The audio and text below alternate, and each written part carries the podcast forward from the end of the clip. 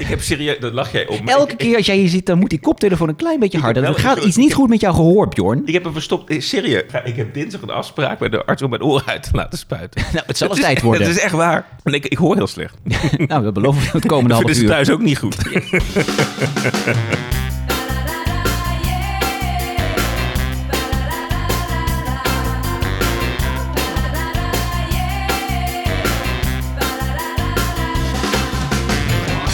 En eh, welkom bij een nieuwe aflevering van de podcast over tv-nostalgie. Daar bleef je voor thuis. Met tegenover mij, daar zit hij weer, stralend als altijd, Bjorn Bouwens. En hij heeft een beetje wal onder zijn ogen, maar hij zit er wel hoor. Ron Vergouwen. Ja. En ook vandaag eh, bespreken we weer tv-programma's uit vervlogen tijden. Titels die ons terugnemen in de tijd. Ja, en eh, vandaag toch echt een mooie klassieke quiz. Prijzenslag gaan we bespreken. Maar dat is niet het enige wat we gaan doen vandaag, Ron. Want aan het einde van de aflevering ga ik jou vandaag verrassen. Ja, toch hè? Ja, met, met iets uit de krochten van de Nederlandse televisiegeschiedenis. Kan ik het mij herinneren? Ja, zeker. Ja? Ja. Oké. Ja, Is- ja. Kun je een tipje van de sluier oplichten? Ehm, het, het, het was een, het, het was een multimediale toestand hoor. Multimediaal. Mhm. Hmm, Oké, nou dat is vast niet uit de jaren 60.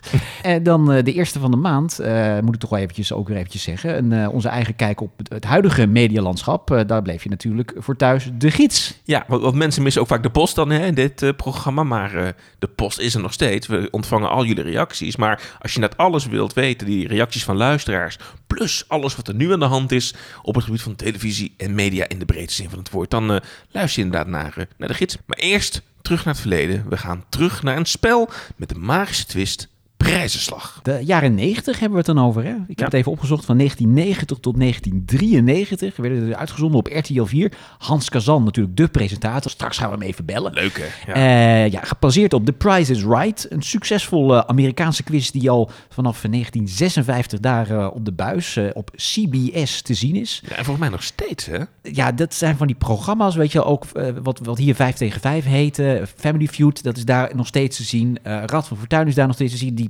programma's die gaan maar niet van de buis af. Die zijn gewoon tijdloos. En mis- misschien dat mensen denken dat Prijzenslag de eerste versie was van The Price is Right in Nederland. Maar dat is niet zo. Want eh, als je de AVRO bent en je hebt toch Fred Oster in je sterrenstal. en je weet dat The Price is Right in Amerika te vinden is. Dan ben je er toch een eigen versie van. En dat was onder de titel Prijsrijk. Welkom, welkom, welkom, beste kijkers thuis. Niet minder welkom, prijsbewuste vrienden en vriendinnen in de studio. Welkom bij Afro's onverbiddelijke prijzenregen. Kijk aan, ik heb de eer voor te stellen aan de eerste kandidaat, Sidi van Haren. En hier komt hij, Rad van slank van lijf en leden, de u prachtige prijzen gunnende en de door u hooggeprezen presentator, de onbetaalbare Fred Oster. Prijsje Rijk, zo heette dit programma, werd wekelijks uitgezonden bij de AVRO. Ja, die voice-over is ook legendarisch natuurlijk. Pierre van Ostade. Ja, wie kent hem niet hè? Nou ja, hij was ook de man van natuurlijk van eh, Willem Ruis. Was Ja, hij ook de, de, de sterrenshow, hè? de Alles sterrenshow. wat in de tenten ja, hij was de voice-over van de, van de jaren tachtig. Want hebben wel, andere mensen hebben het ook gedaan. Yves Blokker, eh, dat is ook een eh, bekende stem. Al Die- cd's, ja. Ja, goed, hij was zo'n bekende man van de VPRO-programma's. Weet jij trouwens, dat is even een leuk feitje tussendoor. Oh, maar maar 5 oké. tegen 5 moeten we nog een keer over hebben. Weet je wie daar ooit de voice-over van heeft gedaan? Leo Driessen. John de Mol. Don de Mol zelf. John de Mol, er was volgens mij geen budget voor de voice-over. Toen heeft John de Mol zelf de voice-over van 5 tegen 5 gedaan. En dat was de Peter Jan Rens versie voor de VARA. Nee, dat was de. Willem Ruis versie voor de Varen. De oorspronkelijke, De oorspronkelijke, oorspronkelijke. ja. Oh, wat grappig. Ja, nou, Nou, gewoon even een feitje. Ja, het heeft niks met prijzenslag te maken, maar ik wilde het toch even noemen hier. Ehm, het was een wekelijkse quiz dus bij de AVRO. Dat, dat liep Mhm. inderdaad tot 1988. Toen werd het anderhalf jaar stil rondom het eh, programma. Maar toen begon RTL Veronique als, als nieuwe zender. Die moest er gewoon heel veel programma's gaan eh, maken. En eh, toen werd het programma weer opgeduikeld. Maar werd het veel meer op de Amerikaanse principes geschoold. Onder andere inderdaad door het vijf dagen in de week te gaan eh, programmeren. Het misschien net even wat sneller en dynamischer te maken. Voor zover het in de jaren 90 eh, kan. En dan moest er een nieuwe presentator bij. En dat werd dus eh, Hans Ja. Kazan. En laten we naar het begin van het programma gaan. Want als jij denkt dat huisvrouwen niet een beetje opwinding konden gebruiken. Jawel, prijzenslag was de opwinding van menig huisvrouw Ja. in de jaren 90. Absoluut. Ik heb een fragmentje dus gevonden van de allereerste uitzending. Luister mee. Eigenlijk exact hetzelfde. Maar de mensen zijn hier nog enthousiast in de jaren 90, hè? zie je het? Ja, er stond een publieksopwarmer bij. Welkom, welkom, welkom beste kijkers thuis. Welkom bij Prijzenslag. bij de onverbiddelijke prijziging van RTL Veronique. Kom er maar bij en sla je slag. Rolien Jansen. Rolien, daar is ze hoor. Ach, wat ziet ze er weer mooi uit in dat dupjes. Kom erbij en sla je slag. Ine Verbruggen. Ja, Ine moet tussen het publiek door, dus dat duurt even. God, wat duurt dat lang. Doe ook even koffie, mensen. Och. En er komen nog twee kandidaten, dus eh wil jij koffie? Lekker hoor. Maak maar cappuccino als je wilt. Het is een lange trap. Kom erbij en sla je slag. Henriette Matsen. Gelukkig is het een lange tune, dat scheelt. Hij is weer ingestart hoor. Ja. Kom erbij en sla je slag. Jeltje Hania. Zo, dit is ook alweer zo'n klappe huisvrouw. En die kan wel een koffiezetapparaat gebruiken, dat zie ik wel. En dan moet Hans nog komen, hè? ja. Je moet het lekkerste voor het laatst bewaren toch? Rad van Tong, slank van lijf en leden. De u veel prachtige prijzen gunnende en de door u hooggeprezen presentator, de onbetaalbare Hans Kazan. Ja, en toen kwamen de eerste woorden van Hans. Het klonk zo. Hallo allemaal en heel hartelijk welkom bij deze eerste aflevering van Prijzenslag. En het is vandaag 1 januari en dat geeft mij de gelegenheid om u thuis en iedereen een ongelooflijk gelukkig en voorspoedig 1990 te wensen. Natuurlijk verwelkomen we ook al onze gasten hier in de studio en een heel speciaal welkom voor de eerste vier kandidaten uit het midden. Jeltje, Henriette, Ine en Rolien. Wat leuk hè? Heb jij dit nou veel gekeken? Ja, dat was echt, voor mij kwam het iets na zessen, na het nieuws eh, van 6 uur op RTL. En dan keken we vaak ook thuis inderdaad de prijzenslag. Ja, en die, die vooravond van RTL uh, Veronique, uh, later RTL 4, was heel succesvol. Rad van Fortuin kwam er later natuurlijk bij. Goede tijden, slechte, tijden. Ja, dus dat was een groot succes. En, wat ik, ik, maar ik was daarvoor, moet ik eerlijk bekennen, ik, ik was er wel verder een beetje van het goochelen. Ik had echt thuis van mijn verjaardag ooit, ik was toen acht hè, toen dit had begon. je een, een, leuke goocheldoos? Ik had een goocheldoos thuis, Ja? zeg maar. Dus ik Oké. ging op menig verjaardag, ging ik dan allemaal trucjes doen. Vermoeide jij de opa's en oma's uh, met, ja, met hoor, jouw ik, ik, kunsten? ik kon een suikerklontje van de ene hand naar de andere hand eh, Zo. verbergen. Ik kon een balletje laten verdwijnen hè, eh, onder de je was de tafel. Victor Mits van de familie? nou, eigenlijk wel zou je kunnen zeggen. Dus ik vond dat al leuk. Dus ik had ook Hans Kazan, daar had ik wel van gehoord. En dat vond ik wel een leuke combinatie. Die goochelaar, dat spelletje, dat deed. Dat vond ik wel, eh, vond ik wel grappig. Dus ik, ik heb dat wel veel gekeken. En jij? Ja, ik ook. Ik heb heel veel afleveringen wel gekeken. Terwijl ik herinner me vooral dat het best wel oude kandidaten waren. Ja. Het waren altijd huisvrouwen en gepensioneerde eh, mensen die daar in het publiek zaten. Weinig jongeren. Eh, maar het was wel altijd heel gezellig. En ehm, nou, op, op is het hele format, want dat moeten we denk ik even uitleggen. Hè. Eh, het, het raden van hoeveel is een, een artikel waard. Ja, daar kan iedereen zich wel in vinden. En dat, eh, dat, dat is gewoon superleuk om daar op de bank thuis mee te doen. Ja, want wa- wat, wat gebeurde er? Er werden ook echt heel veel voetbalverenigingen of allerlei clubjes die werden uitgenodigd om naar de studio eh, eh, te komen. Ehm, dat was ook wel nodig. Ik heb geen idee hoeveel ze opnamen op een dag moeten we aan Hans vragen straks. Maar die studio moest vol zitten. Ja. En uit al die verenigingen werd dan iemand hè, naar beneden geroepen. We zagen het net in de hele lange intro. Hè, daar, daar kwamen dan de kandidaten. En ja, die moesten dan als eerste, kregen die een voorwerp te zien. En dan was het aan die vier kandidaten de vraag van, wat hebben wij voor dat voorwerp betaald? Ja. En dat mocht hè, degene die dan het dichtste bij zat, maar je mocht niet overbieden. Die mocht dan vervolgens deelnemer worden aan de spellen in prijzenslag. Dus zo werd dan de kandidaat voor het vervolg van het spel daadwerkelijk geselecteerd. Ja.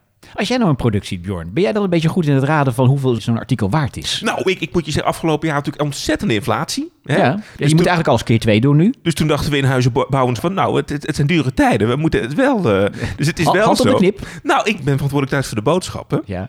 En ik doe dat nu tegenwoordig in twee supermarkten, hoor. Oké. Ja. Dus jij gaat dan ook aanstrepen met een arceerstift in de, in de, in de eh, foldertjes? Nou, eh? dat niet, maar ik ga dan, dan niet alles meer in merkproducten. En, en dan, dus ik, ik denk dat ik best wel goed prijsgevoel ontwikkeld. Oké. Ja, Oké. want... Nou, nou, nee, ik dacht misschien moeten we daar eens een spelletje van maken. En misschien Oh, moeten we jee. dat doen onder het genot van de nieuwe tune van Prijzenslag. Want op een gegeven moment werd het allemaal ietsje frisser, wat hipper. Er kwam een nieuwe stem. Dat werd, we hoorden net Pierre van Ostade. Later werd dat Tom Mulder. Die was op dat moment eh radio-dj bij Radio 10 Gold. Ha, hallo. de- Radio 10 Gold. Ja, nou ja, er kwam dus een nieuwe tune en die klonk zo.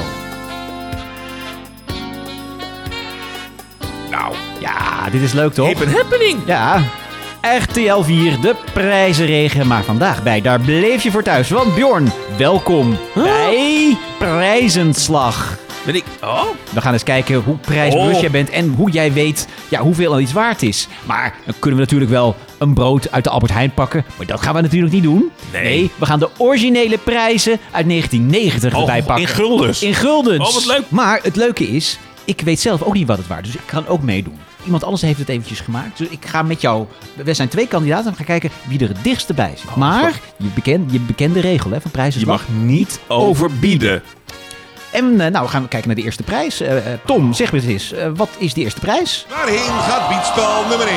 Naar die kandidaat die heel graag dit zeer feestelijke blikken dienblad en deze blikken en tasjes mee naar huis zou willen nemen. Al Oh. deze aparte blikken zijn voorzien van een leuke circusdecoratie. Dus richt je blik op de blikken en vertel zonder blikken of blozen wat ze kosten. Thomas Mooi, hoor. woordgrapjes, hè? Ja. Ja, dit. In guldens, ja, 1990 hebben we het dan over. Een, een blikken set, vier blikken die ik hier staan. Ik, ik hou het bij het jaartal. Dus ik, ik doe 19 gulden 90. doe 19 ik. gulden 90. Ja, Was het zo goedkoop? hyperinflatie, hè? Nou, ik denk eh 45 eh, gulden. Oh, 45 gulden. Nou, eh, laat het maar horen. Nou, dan ben ik benieuwd wie de blikken mag meenemen. Wij betalen ervoor het bedrag van 39 gulden. Oh, Bjorn! ja, ja, ja, ja. ja, ja, ja. Oh. ja. Ja, ja, heel Nog goed. eentje? Ja, kom maar door. Doe mee met biedspel nummer 2. Dat zal een leuk gezicht zijn als je deze leuke tafellamp bij je thuis neerzet. Wij verzekeren je dat deze spiksplinternieuwe lamp net dat licht zal verspreiden waarna je altijd al op zoek was. Wij zijn op zoek naar zijn zeer exclusieve prijs. Ja, een tafellamp. Zou ja. dit op de U kunnen, denk je, deze? nou, denk het niet. Nee, Nee. nee. Ehm, nou, ik denk, eh, nou, dit, een exclusieve lamp, ik denk eh, 100 euro. Oh, nee, gulden, hè? Dus dan is Ja? het eh 150 gulden. Het is een exclusieve lamp. 169 gulden. Nou, dan ben ik heel benieuwd wie de lamp mag meenemen. Wij betaalden ervoor het bedrag van 295 gulden.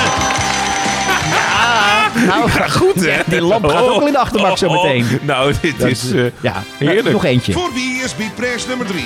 Voor een CD-verzamelaar onder onze kandidaten die graag deze stijlvolle CD-houder van echt plexiglas zou willen winnen. Past Oh. fantastisch in iedere moderne inrichting. Natuurlijk met een prijzenslag echtheidscertificaat. Wat kost die mooie CD-houder vandaag? Plastic CD-houder. Ja, die had je toen nog, hè? Ja. Nou, dan ga ik er nu een keer onder zitten. D- eh, 30 gulden. ik denk veel. Ik, ik denk 15 gulden. Nou, ik ben heel benieuwd wie er het dichtste bij zit. Wij betaalden het bedrag van 36 gulden. Ja, oh. Oh, Ja. Toch nog iets eh, meegenomen het is vandaag. heel goed hoor.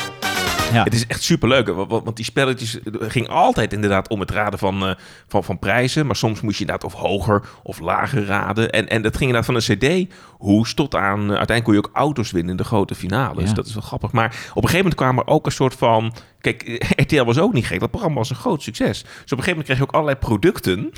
waar zeg maar het prijzenslaglogo op stond. Dus Ja. zo was er bijvoorbeeld ook in het begin jaren 90 de prijzenslag CD. En dan kon je al je favoriete artiesten hè, uit die tijd... die hadden dan Anita Meijer tot... tot, aan eh, Lee Towers. Ja. Dat is ook een beetje het spectrum, zeg maar. Die, die, die lagen dan in de winkel met een prijzenslaglogo eh, erop. En dat Oh. konden de mensen ook weer raden in de studio. Dat kon je dan lekker vervolgens bij de V&D in het warenhuis eh aanschaffen, hoor. God, dat was een hele commerciële bende daar. Ontzettend. En, en er werden allerlei spelletjes gespeeld. Want die eh, spelletjes die je net hoorde, dus dat is eh, de manier om de kandidaat te selecteren. En die ging dan later weer een groter spel doen. Dat ging alle kanten op, hè, die spelletjes. Kon van alles zijn. Ja, prijzen in goede volgorde zetten. Of, of een bepaalde prijs met een bepaald product in de winkel raden. Ja, allemaal dat soort combinaties. Maar altijd inderdaad met het gegeven. Wat kost het? En het publiek ging dan eh, vanaf de tribune je toeschreeuwen van eh, hoger, lager, eh, Precies. 6000 gulden, dat soort dingen. En wat het leuke was van Hans Kazan in, in, in het programma is volgens mij dat hij ontzettend met die kandidaten meeleefde. Dat publiek op een hele leuke manier erbij wist te, te betrekken. Ja, dat, dat maakte wel dat het echt ongelooflijk iets is wa- wat je ook thuis wilde meebeleven en mee wilde spelen op de bank. En uiteindelijk ging je dan eh, naar de finale toe. Maar om dan te bepalen wie van de kandidaten de finale mocht gaan spelen, had je het rad. Ja, ze hadden wel of niet al iets gewonnen dan in de, in de rondes die ze hadden gespeeld. Maar uiteindelijk moest er dan nog gekozen worden inderdaad van maar wie van de kandidaten gaat dan inderdaad naar de grande finale. Ja, later heeft Hans van der Tocht er nog een eigen spel van gemaakt. Hè? Inderdaad. Pak gewoon beet en laat eens zien wat het geluk je nu gunt. Daar gaat hij, de draai van Hans.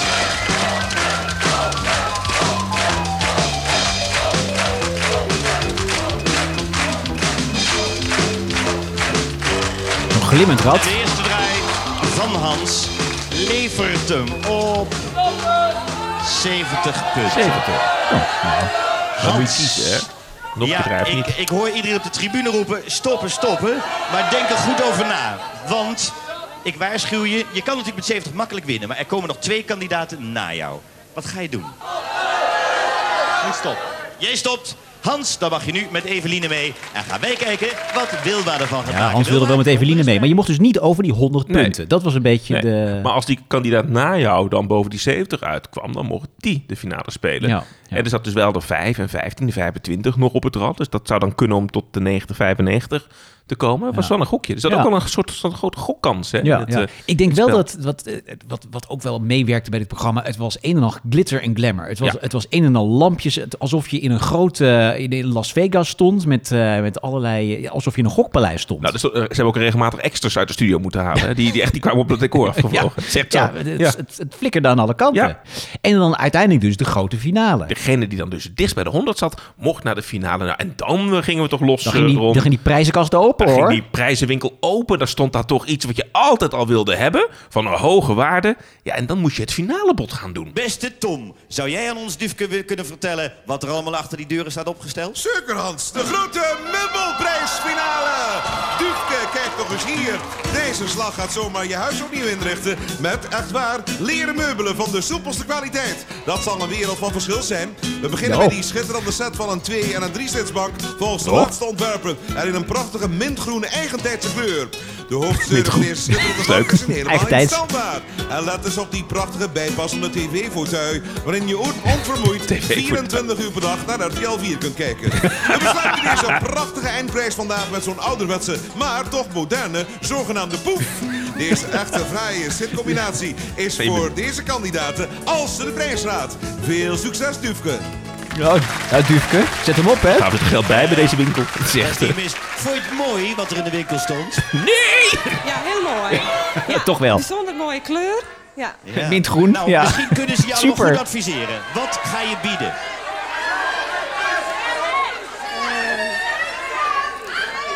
Ik denk van 7000 gulden. 7000 gulden. Veel geld. Ja, dat is wel heel veel geld, Dufke. 7000 gulden. Andermaal. 7000 gulden. 7000 gulden. Voor... Kocht. Oké. Niet overbieden. Ze bleef twijfelen tot het laatste moment. En wij Ik vind het wel heel veel. betaalden het bedrag van... Oei, 9700 Ah. nog wat guldens. Ja, Ja. Dat verschil is helaas wel te groot. Hé, hey, dat is ontzettend jammer, maar niks aan te doen. Nee hoor. Ik hoop Nou, jammer hoor. Ja. Voor Dufke. Ja, en de voetbalvereniging uit de Uden staat ook wat te trappelen. Dus die Ja. wil de studio in. Dus eh, volgende opname. Ja, zo- het was lopende bandwerk hè, bij... eh, Maar leuk, het, het, het, het- toch, ook als ik met jou hier zo weer een beetje aan het spelen ben, het, het is tijdloos, dit ja, spel. ja, het Leuk, is natuurlijk toch? ook al heel vaak teruggebracht. Daar, gaan- daar gaan we het straks over hebben. Misschien is het eerst leuk Ja. om eens herinnering op te gaan halen met Mr. Prijzenslag hemzelf. De man die alles kan. Hier is hij in de show, Hans Kazan. Nou, mij niet bellen. Nou, mij niet bellen. Mij niet bellen. Mij niet bellen. Nou, mij niet bellen. Mij niet bellen. Nee, en mij ook niet. Maar niet mij bellen. Nee hoor, mij niet meer bellen. Ja, hallo, met Hans Kazan. Nou, Hans, welkom in uh, Daar Bleef Je Voor Thuis. Um, kun je eens vertellen, hoe komt nou een goochelaar als jij in één keer terecht als presentator in een dagelijks spelprogramma? Uh, ja, dat was toch best een ingewikkeld verhaal. Uh, ik had, uh, ik zat tijdelijk in een televisieprogrammaatje bij de AVRO en dat heette Donderslag. Dat werd gepresenteerd door Nala Fanny, weet ik nog. En in die tijd dat ik daar uh, vaste gast in dat programma was, begon Ruud Hendricks met nog een aantal collega's uh, RTL Veronique, die het programma Prijsslag gingen uitzenden.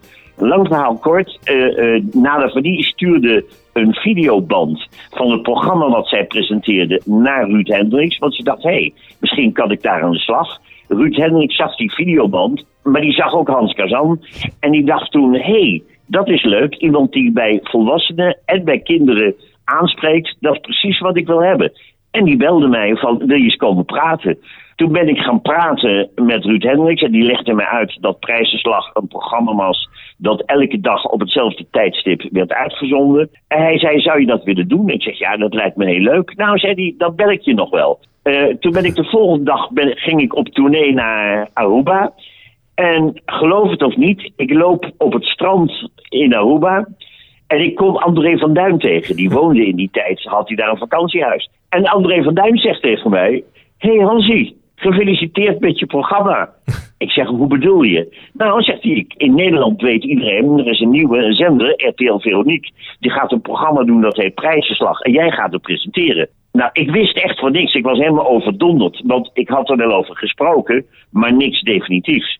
Dus ik bel weer die Ruud Hendricks, toen de directeur van RTL Veronique.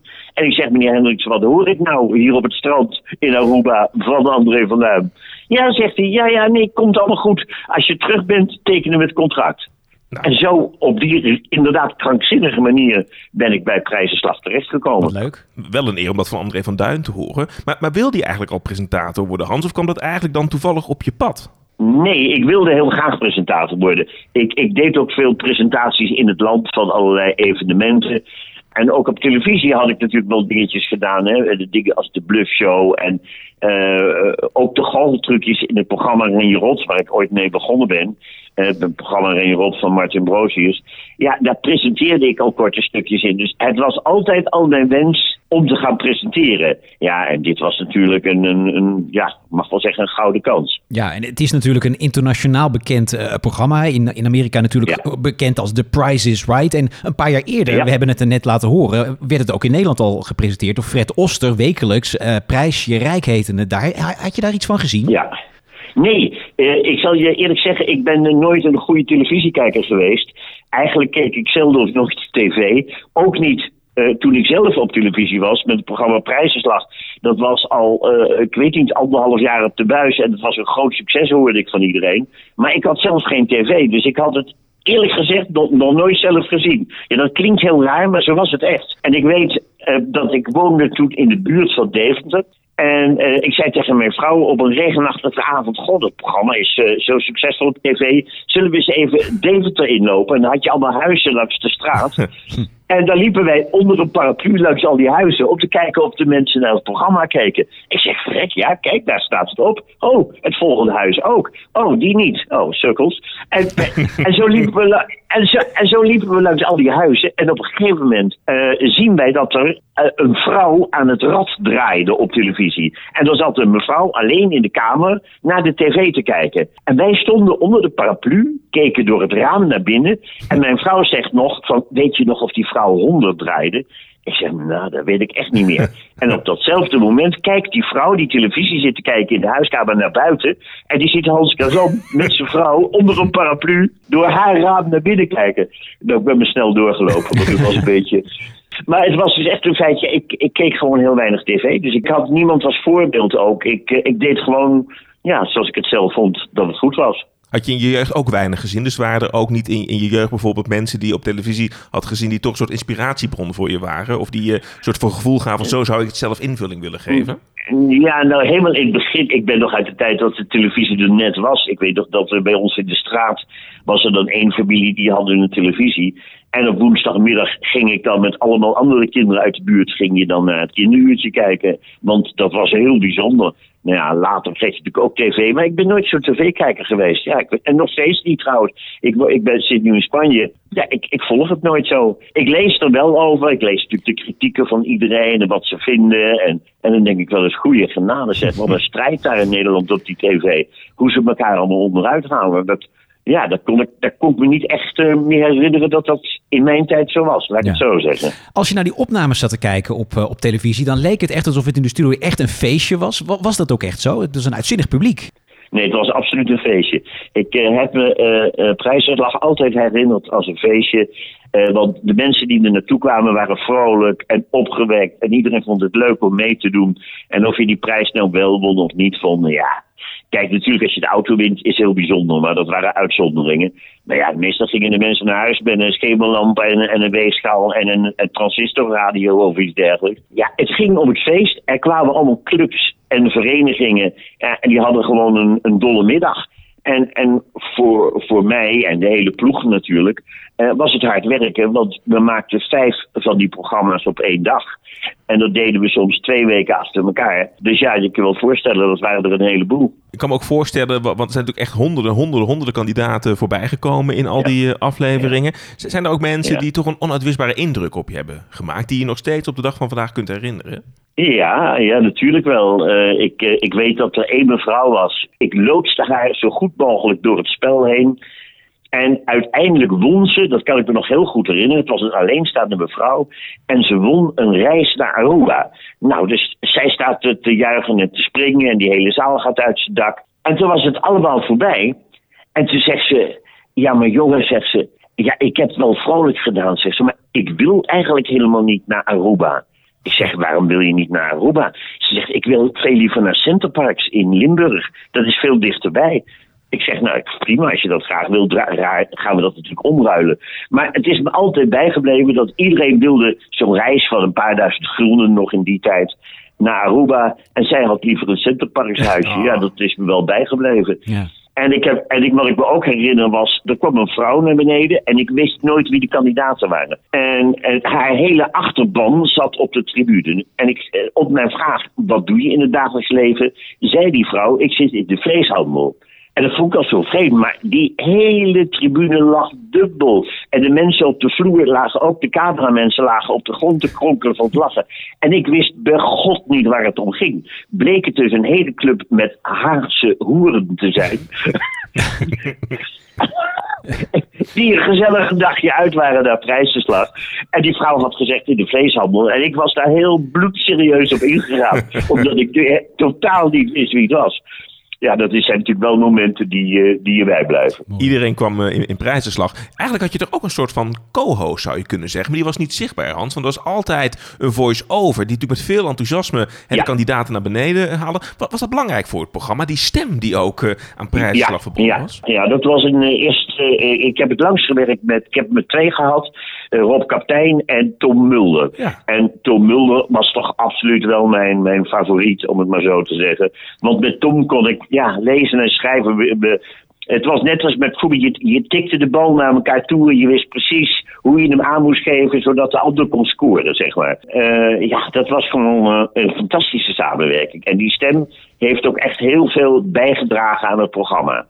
Mensen zien dat niet vaak hoe belangrijk dat is, maar de samenwerking tussen de voice-over en de presentator, dat was in, zeker in ons programma een, eh, ja, een gouden draadje. Ja, Tom had natuurlijk heel veel ervaring ook op de radio. Hè? En, eh, nou ja, er werden dan altijd de gekste prijzen door Tom aangekondigd. En dan moest je raden eh, ja, hoe, hoeveel het dan waard was. Ben je zelf een beetje prijsbewust, Hans? Eh, nee, ik ben helemaal niet prijsbewust. Ik, eh, ik weet er eigenlijk helemaal niks van. Ik had echt die kaartjes met de juiste prijs erop uit nodig.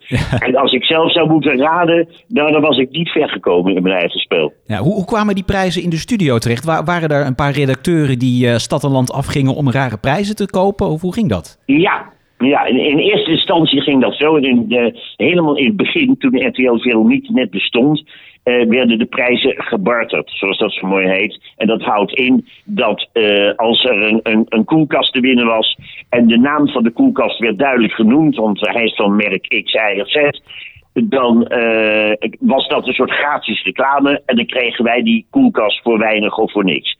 De- zo werkte dat. Maar op een gegeven moment is de wetgeving daartegen eh, gekomen en mocht er niet meer gebarterd worden. Met andere woorden, dan moesten de prijzen gewoon gekocht worden. Ja, en dat veranderde natuurlijk een heleboel in, eh, in de opzet van de zaak. Maar we hadden speciale mensen eh, bij- in die tijd bij John de Mol in dienst, die eh, op zoek waren naar, ja, naar prijzen die we konden weggeven. Het programma is al sinds de jaren 50 in verschillende vormen op de buis. Hij begon in Amerika, Hans. En is eigenlijk nog steeds een succes. Hè? Ook The Right wordt er in veel landen uitgezonden. Wat is nou het succes van dat format en ook de invulling die jij met prijzenslag eraan gegeven hebt? En wat, wat het geheim is, eh, weet ik niet. Ik weet dat het een programma is dat dicht bij de mensen was. Iedereen heeft dagelijks te maken met van, goh, hoeveel kost dat nou? Hè, je loopt langs de etalage, je ziet een paar mooie schoenen. Ja, hoeveel kost dat nou? Ja, geen idee. Dus iedereen is altijd bezig met prijzen. Dat, dus dat is, het ligt heel dicht bij de mensen. Ehm, het was eh, vrolijk, het was simpel. En het was, ehm, ja, het, het, het, was gewoon een heel vrolijk programma. Wat ik eigenlijk in het begin eh, al zei van ons gesprek. Het was altijd feest. We hebben, ik bedoel, als je nu eh, af en toe lees ik die verhalen van wat er achter de schermen van tv-programma's allemaal gebeurt. Nou, dat weet ik 100% zeker dat dat bij ons niet gebeurde. En, en er was zeker geen schreeuwende en schilderde Hans Kazan presentator die riep van eh, buh, buh, buh, buh, buh. het was altijd leuk, het was altijd gezellig en we maakten er gewoon eh, ja, een, gezellige, een gezellige dag van. En dan namen we weer zoveel mogelijk programma's op. Dus ja, voor mij is wat er nu gebeurt en wat ik nu lees over eh, wat er achter de schermen van tv-programma's gebeurt, dat heb ik zo echt nooit, maar dan ook echt nooit beleefd. En ik vind het jammer dat het is zoals het nu is. En hoe belangrijk is Prijzenslag voor jouw carrière geweest? Want je had al wel op televisie goochelshows gedaan. En na Prijzenslag heb je nog een hele trits aan programma's gedaan bij RTL en bij de, Ja. bij de Tros en zo. Hoe, hoe belangrijk is Prijzenslag voor jou geweest? Ja, ik denk toch wel heel belangrijk eh, voor de. In het begin was ik natuurlijk uitsluitend de goochelaar. En toen ben ik prijzenslag gaan doen. Ja, en daar zagen mensen dat je toch ook weer andere dingen deed dan alleen eh goocheltrucs.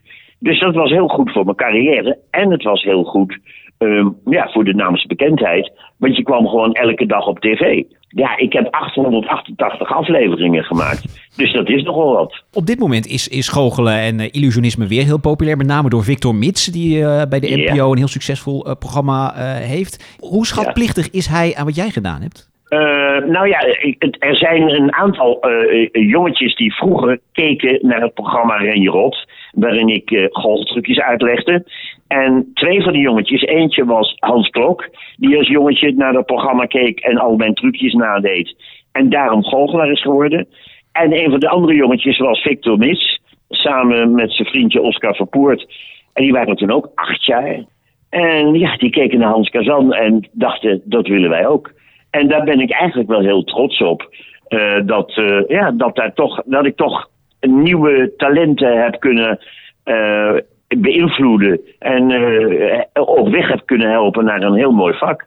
Hans kriebelt het nog wel eens. Want zou je ervoor openstaan om een programma als Prijzenslag opnieuw te presenteren? Ja, Ah, ja, ja, ja, ja, absoluut. Ja, ja, ja. Nee, ik, ik, ik, vind, ik heb namelijk, en dat meen ik echt oprecht, eh, zelden zo'n leuk programma gedaan als Prijsverslag. Laat ik dat even zeggen. Dat was echt.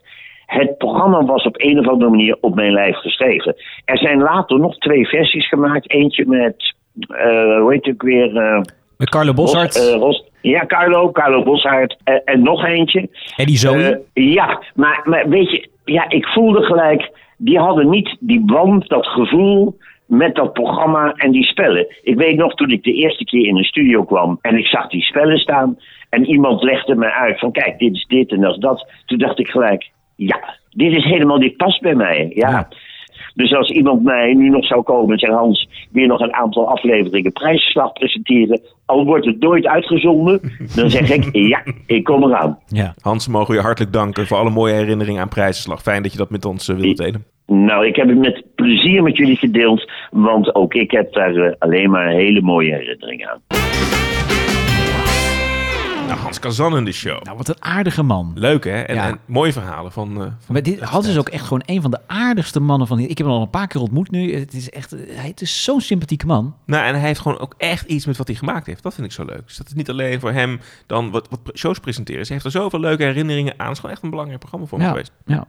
Hey, we hebben het al even beloofd voordat we met Hans gingen praten. We moeten het toch ook nog even hebben over de versies die hierna zijn gekomen. Hans was trouwens niet zo heel positief daarover, hè? Nee, nou ja, ik snap het misschien ook wel. Want laten we eerst even dan naar de You're In, de Movement versie gaan. Want dat moet je even uitleggen. Jij zit goed in die commerciële... Ja, je, je had commerciële zenders. Ja, je had ooit Veronica. Dat, dat, eh, nou, dat was gedoe over de naam. En toen moest het You're In worden. En toen hadden ze allemaal hippe spellen bedacht. Alleen toen hadden ze ook bedacht... nou, dan moeten we ook prijzenslag weer terugbrengen in een hip jasje. En dat gaan we doen met Carlo Boshart. En dat noemen we... Cash en Carlo. Oh, lieve mensen, wat is dat jaar omgevlogen 2003. En nu is het al 2004 en daar zijn we weer met Cash en Carlo. En ook dit jaar hebben we weer prijzen, gierders. En de man die het allemaal zo professioneel aan elkaar praat, is mijn vriend. Dames en heren, Carlo Boshart.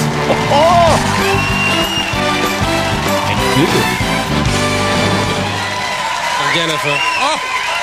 Jennifer, Jennifer, Jennifer, you do it. Oh, lovely, lovely. Goedenavond, goedenavond. Dames en heren, Jennifer zag u net. Eh, heren, wat vindt u? Ja, hè? Ja, daar ben even over, hoor. Hoe is het met Eddie? Ja, dat we hier toch zomaar zitten op die eerste. Sorry? Dat we hier toch maar weer zitten met z'n allen. Ja, ik heb nog een beetje katertje. Jij ook, Ja, hè? ik ook. De konijnenlucht krijg ik niet op mijn haar. Nee, het is een toestand. Het is een fanfare. Ja, maar we gaan we? knallen toch nog op deze 1 januari. De 1 januari en de vraag die mij natuurlijk prangelt op de likke brand. Wie mag er als eerste naar beneden komen? Uit Den Haag is dat Sadia Shiri. Ja, met natuurlijk de onvergetelijke voice-over. Ik, ik was echt fan van hem in die tijd. Eh Eddie Keur. Eddie Keur, hè? Dat is Ja. nu DJ bij 3FM. Ja, het gaat hartstikke goed met zijn eh, carrière opeens weer. Maar op dat moment was dat echt wel weer een beetje ook de comeback van Eddie Keur. Als je trouwens goed luistert naar Eddie, dan hoor je wel dat hij heel erg geïnspireerd was. En ook heel erg fan was van Tom Mulder. Die, die de voice-over die we net eh, lieten horen. En, en natuurlijk was Eddie een groot quizliefhebber, want hij had natuurlijk de reis van je leven gepresenteerd. Onder andere en nog wel meer ook en zo. Maar echt die, ja, die chemie tussen, tussen Carlo en Eddie vond ik wel heel erg leuk. Het was echt wel een, een succesvolle eh, manier om dit programma nieuw leven in te Het was blazen. echt een verjongingscore. want Jorin was echt een jongere zender, dus het moest allemaal jong, snel, wild, met, met allemaal mensen hadden met weinig hele- kleren aan. In het, nou, maar het was echt zo half Ex on the Beach-achtige Ja. kandidaten zaten er in het Ja. eh, programma. Vroeger, als je nu bekend wil worden, dan doe je mee aan Ex on the Beach of Temptation Island. Toen zat je gewoon als toen- model in, in het programma. Toen deed je mee aan, eh Cash en Carlo. Dus overigens is er ook een of andere, ik weet zijn naam even niet, want was er een, een crimineel in Nederland die werd op een gegeven moment opgepakt. Ja, die had een heel groot track record. Ja. En daar waren alleen maar beelden van, omdat hij ooit als kandidaat had meegedaan aan Cash Carlo. echt waar? Dus dat zegt ook wel iets over het kandidaten-ensemble bij, Ja. bij Cash Carlo. Woke was het niet, hè? Want het ging echt allemaal ook wel zeg maar over hè, van hoe lekker het allemaal was. En eh hoe Ja, het moest. zou nu niet meer kunnen hoor. Nee, dat kan niet meer. Overigens, ik hoorde net Hans zeggen, het was helemaal aardig en leuk eh, achter de schermen bij prijzenslag. Ik vraag me af wat er bij Cash Carlo allemaal is gebeurd. Dus we moeten daar eens een keer een special We over gaan een keer we gaan of Carlo of Eddie daarover uitnodigen. Dat was wel een groot succes. Heeft jaren gelopen, volgens mij echt prima. Volgens mij voor zo'n zender als Jorin in de vooravond deed het echt eh, niet verkeerd. Toch verdween het daar weer van de buis. Ik geloof ook allemaal weer met de veranderingen daar van de zender. Ja. En toen werd het lange tijd stil. Tot niet zo heel lang geleden, toch? Nee, toen kwam het weer terug op de buis bij SBS6 en toen met Eddie Zoe. Want als je een oud spelletje hebt, dan wil SBS dat graag een nieuw leven inblazen, toch? Ja, met of zonder Eddie Zoe. Maakt niet uit. Mam, ja! Ha, ik ben elke dag op televisie. Ja, nee, in het weekend niet, dan ben ik thuis. Van maandag tot en met vrijdag. The price is right, je weet wel. Dan moet je raden hoe duur iets is en als je het goed hebt, dan mag je het hebben.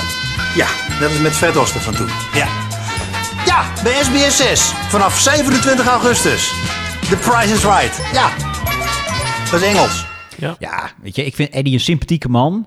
En dit blijft een, een fantastisch format. Het ging ook weer The Price is Right heten. Maar het was niet meer het, het grote succes wat eh, Carlo ervan had gemaakt. Laat staan van wat Hans Casander ooit van had gemaakt. Ik denk ook dat dat hier wel meespeelt dat mensen zich ook niet zo heel erg konden herkennen in de kandidaten. Ja, ik kan me niet meer zoveel herinneren van die versie van Eddie Zoe eigenlijk. Ja, dat, dat, dat was een beetje, ja, het was een beetje smaakloos. Ja, zeg maar. Ja. Later heeft SBS ook nog het, Rad van Fortuin weer eh, op de buis gebracht. Hè, met eh André Hazes junior. Ja. Ja, was het ook niet. Nee, eigenlijk heeft Lingo, dat is natuurlijk ook zo'n gereanimeerd spelletje. Dat Ook heeft- weer bij SBS 6. Ja, nu op net 5. Ja, redelijk hè. Ja, het is, ja. Maar gelukkig is dat nog 50-50 met Winston. Toch? Ja. En dan de conclusie. Prijzenslag willen we terug op de buis of niet? Nou Bjorn, ik zou zeggen, take it away. Het spelletje is tijdloos. Dus ook zoals wij hier lekker in de show eh, prijs aan het raden zijn, dat volgens mij kan dat nog steeds, zeg maar. Je moet mij heel erg goed bedenken welke doelgroep je het eh, maakt en met welke presentator. En eh, ja, ik, ik ben toch wel fan van Hans hoor. Dus als Hans Kazan nog een paar afleveringen zou En die toch? muziekjes zijn ook goed, hè? Leuk toch? Die, die muziekjes die worden overal over de hele wereld gebruikt. Worden ook in veel landen nog steeds gebruikt. Ja, het is ook gewoon hoe het eruit ziet, hoe het klinkt. Inderdaad, wat jij zegt, met de juiste presentator op het juiste moment kan het zo weer terugkomen. Ja, en dan onze slotrubriek. Hè. Oh. In, eh, daar bleef je, Ik verheug me hierop. Daar bleef je niet voor thuis verrast van elkaar met een programma wat iedereen vergeten is en met een reden. En ik heb vandaag weer iets voor jou meegenomen. Dus eh, aan jou de, de taak om dat eh, te raden. Ja, Ik je gaf- zei aan de kop van de uitzending gaf je al een hint. Je zei het is multimediaal. Ja. Ehm, dus het is met de opkomst van internet. De- Ja, Is het, ja, ja, is het Big Brother of zo? Want dat was natuurlijk uh, The Street. Ja, dat was, Nee, dat was geen grote flop. Maar heeft het. ehm, ja, is het een reality-programma überhaupt? Mm, nee. Een spelprogramma? Ja, soort van. Oké. eh, is het op SBS 6? Ja. Oké. Is het met Robert en Brink? Ja. Is het met Adam Curry? Zeker. Is het Sterrenburg? Is Sterrenburg. Ja! Wil je zelf vertellen wat het was? Ik laat zo meteen een stukje horen. goed, hè, je dat dit, Ja, eh, knap. Het is echt knap ja. dat je het weet. Ja. Weet je nog wat het Ik had deze was? namelijk al ook in mijn gedachten om een keer te nemen in deze rubriek. Nou, great Ja. minds, hè? Ja, Ja, ben je wel voor. Maar eh, wa- wa- wat was het? Nou ja, eh, het was een, een multimediaal spel inderdaad, waarin BN'ers werden gekoppeld aan een bepaalde waarde. En als het goed ging met iemands carrière, dan ging de, ja, gingen de aandelen in, nou pak een beetje Patricia Pai, gingen omhoog. En als ze eh, van een programma werd afgehaald of het ging niet goed met haar huwelijk, dan gingen de aandelen omlaag. En zo kon je altijd eh, denken, nou met welke BN'er zal het, het eh, de komende tijd goed gaan? En dan kon je instappen, uitstappen. Nee, eigenlijk gewoon als de beurs werkt. Alleen dan met BN'ers in plaats van eh, bedrijven. En op internet kon je dat spelen. Dus kun je aandelen Carlo Boshart kon je daar inderdaad dan eh, eh, kopen. En dan ging het erom wie dan de meeste punten haalde. Het ging niet om echt geld, dat was fictief. Maar dat was inderdaad wat je op internet speelde. En Robert en Brink en Curry speelden dan, hè, hadden daar een soort groot studioprogramma om, omheen. Na één dag handelen waren de aandelen van Hans Kraaij junior al op een dieptepunt. Het aandeel Wendy van Dijk schiet als een komeet omhoog. En Irene van der Laar onthult waarom haar aandeel meer waard wordt. Dinsdagavond, SBS 6. Dit is Sterrenbeurs. Ja, het was een bizar programma eigenlijk, hè? Ja, ook omdat volgens mij veel mensen hadden niet zoveel met beurzen. Oh, aanvankelijk leek het wel goed te gaan. Er waren wel duizenden mensen die dat gingen spelen. Oh ja? Ja, maar, maar toen dat tv-programma begon, het was ook best moeilijk om ja, iedere week dan weer nieuwe dingen te bedenken, zeg maar, om dat spel levende te houden. Dus je zag Robert de Brink ook worstelen. Begon ergens volgens mij eh, rond eh, 1 september. Maar je zag echt die kijkcijfers instorten, instorten, instorten. En eh, Adam Curry ging er volgens mij op een gegeven moment ook al uit. Hè. Die trok zich terug als presentator. Robert Ja. de Brink ook niet langer daarna. Toen heb voor mij Ja, een het was aantal- echt een dieptepunt in de carrière van Robert de Brink. het was echt op een gegeven moment echt heel slecht, slecht bekeken. Ja, en toen kwam er een beurskrach. nou, precies. Ja, nou, het Ja. was echt een programma. Daar, Daar bleven, we, niet voor thuis. Eh, we zijn er weer doorheen. Prijzenslag. eh, de prijzen gingen minder hard bij Sterrenbeurs. Wat een aflevering weer, hè? Ik Ja. vond het een leuke show weer. Ik vond het ook leuk. Als je denkt van ja, maar leuk dat jullie dat allemaal bespreken, maar ik heb een programma nog niet teruggehoord en daar moeten jullie aandacht aan besteden, laat het ons weten hè, via daar bleef je voor thuis gmail.com of via onze socials. Ja, en eh, laat anders ook even een leuke recensie achter in de bekende podcast-apps. En dan eh, vinden andere mensen ons weer eh, een beetje sneller. Ja, en we zijn weer terug op de eerste van de maand met daar bleef je voor thuis, de gids. Ja. Nog even de aftiteling. Producent Hans Klok. Choreografie Magic Unlimited. Belettering Debbie Letter. Flikkerlichtjes Patrick Martens. Supermarktonderzoek Gijs Rademakers. Geluid Art Royakkers. Onderbroek Bjorn. Zeeman en onderbroek Ron Gucci. Met het tot stand komen van deze uitzending heeft de producent van deze podcast alle rechthebbenden trachten te achterhalen. En als u nu toch denkt, verdomme, ze hebben van me zitten jatten, meld het dan binnen 30 dagen, anders mag u voor eeuwig zwijgen. Ik ben kapot. Wat is de waarde van je huis eigenlijk? Nou, nu een stuk minder, dat weet ik wel.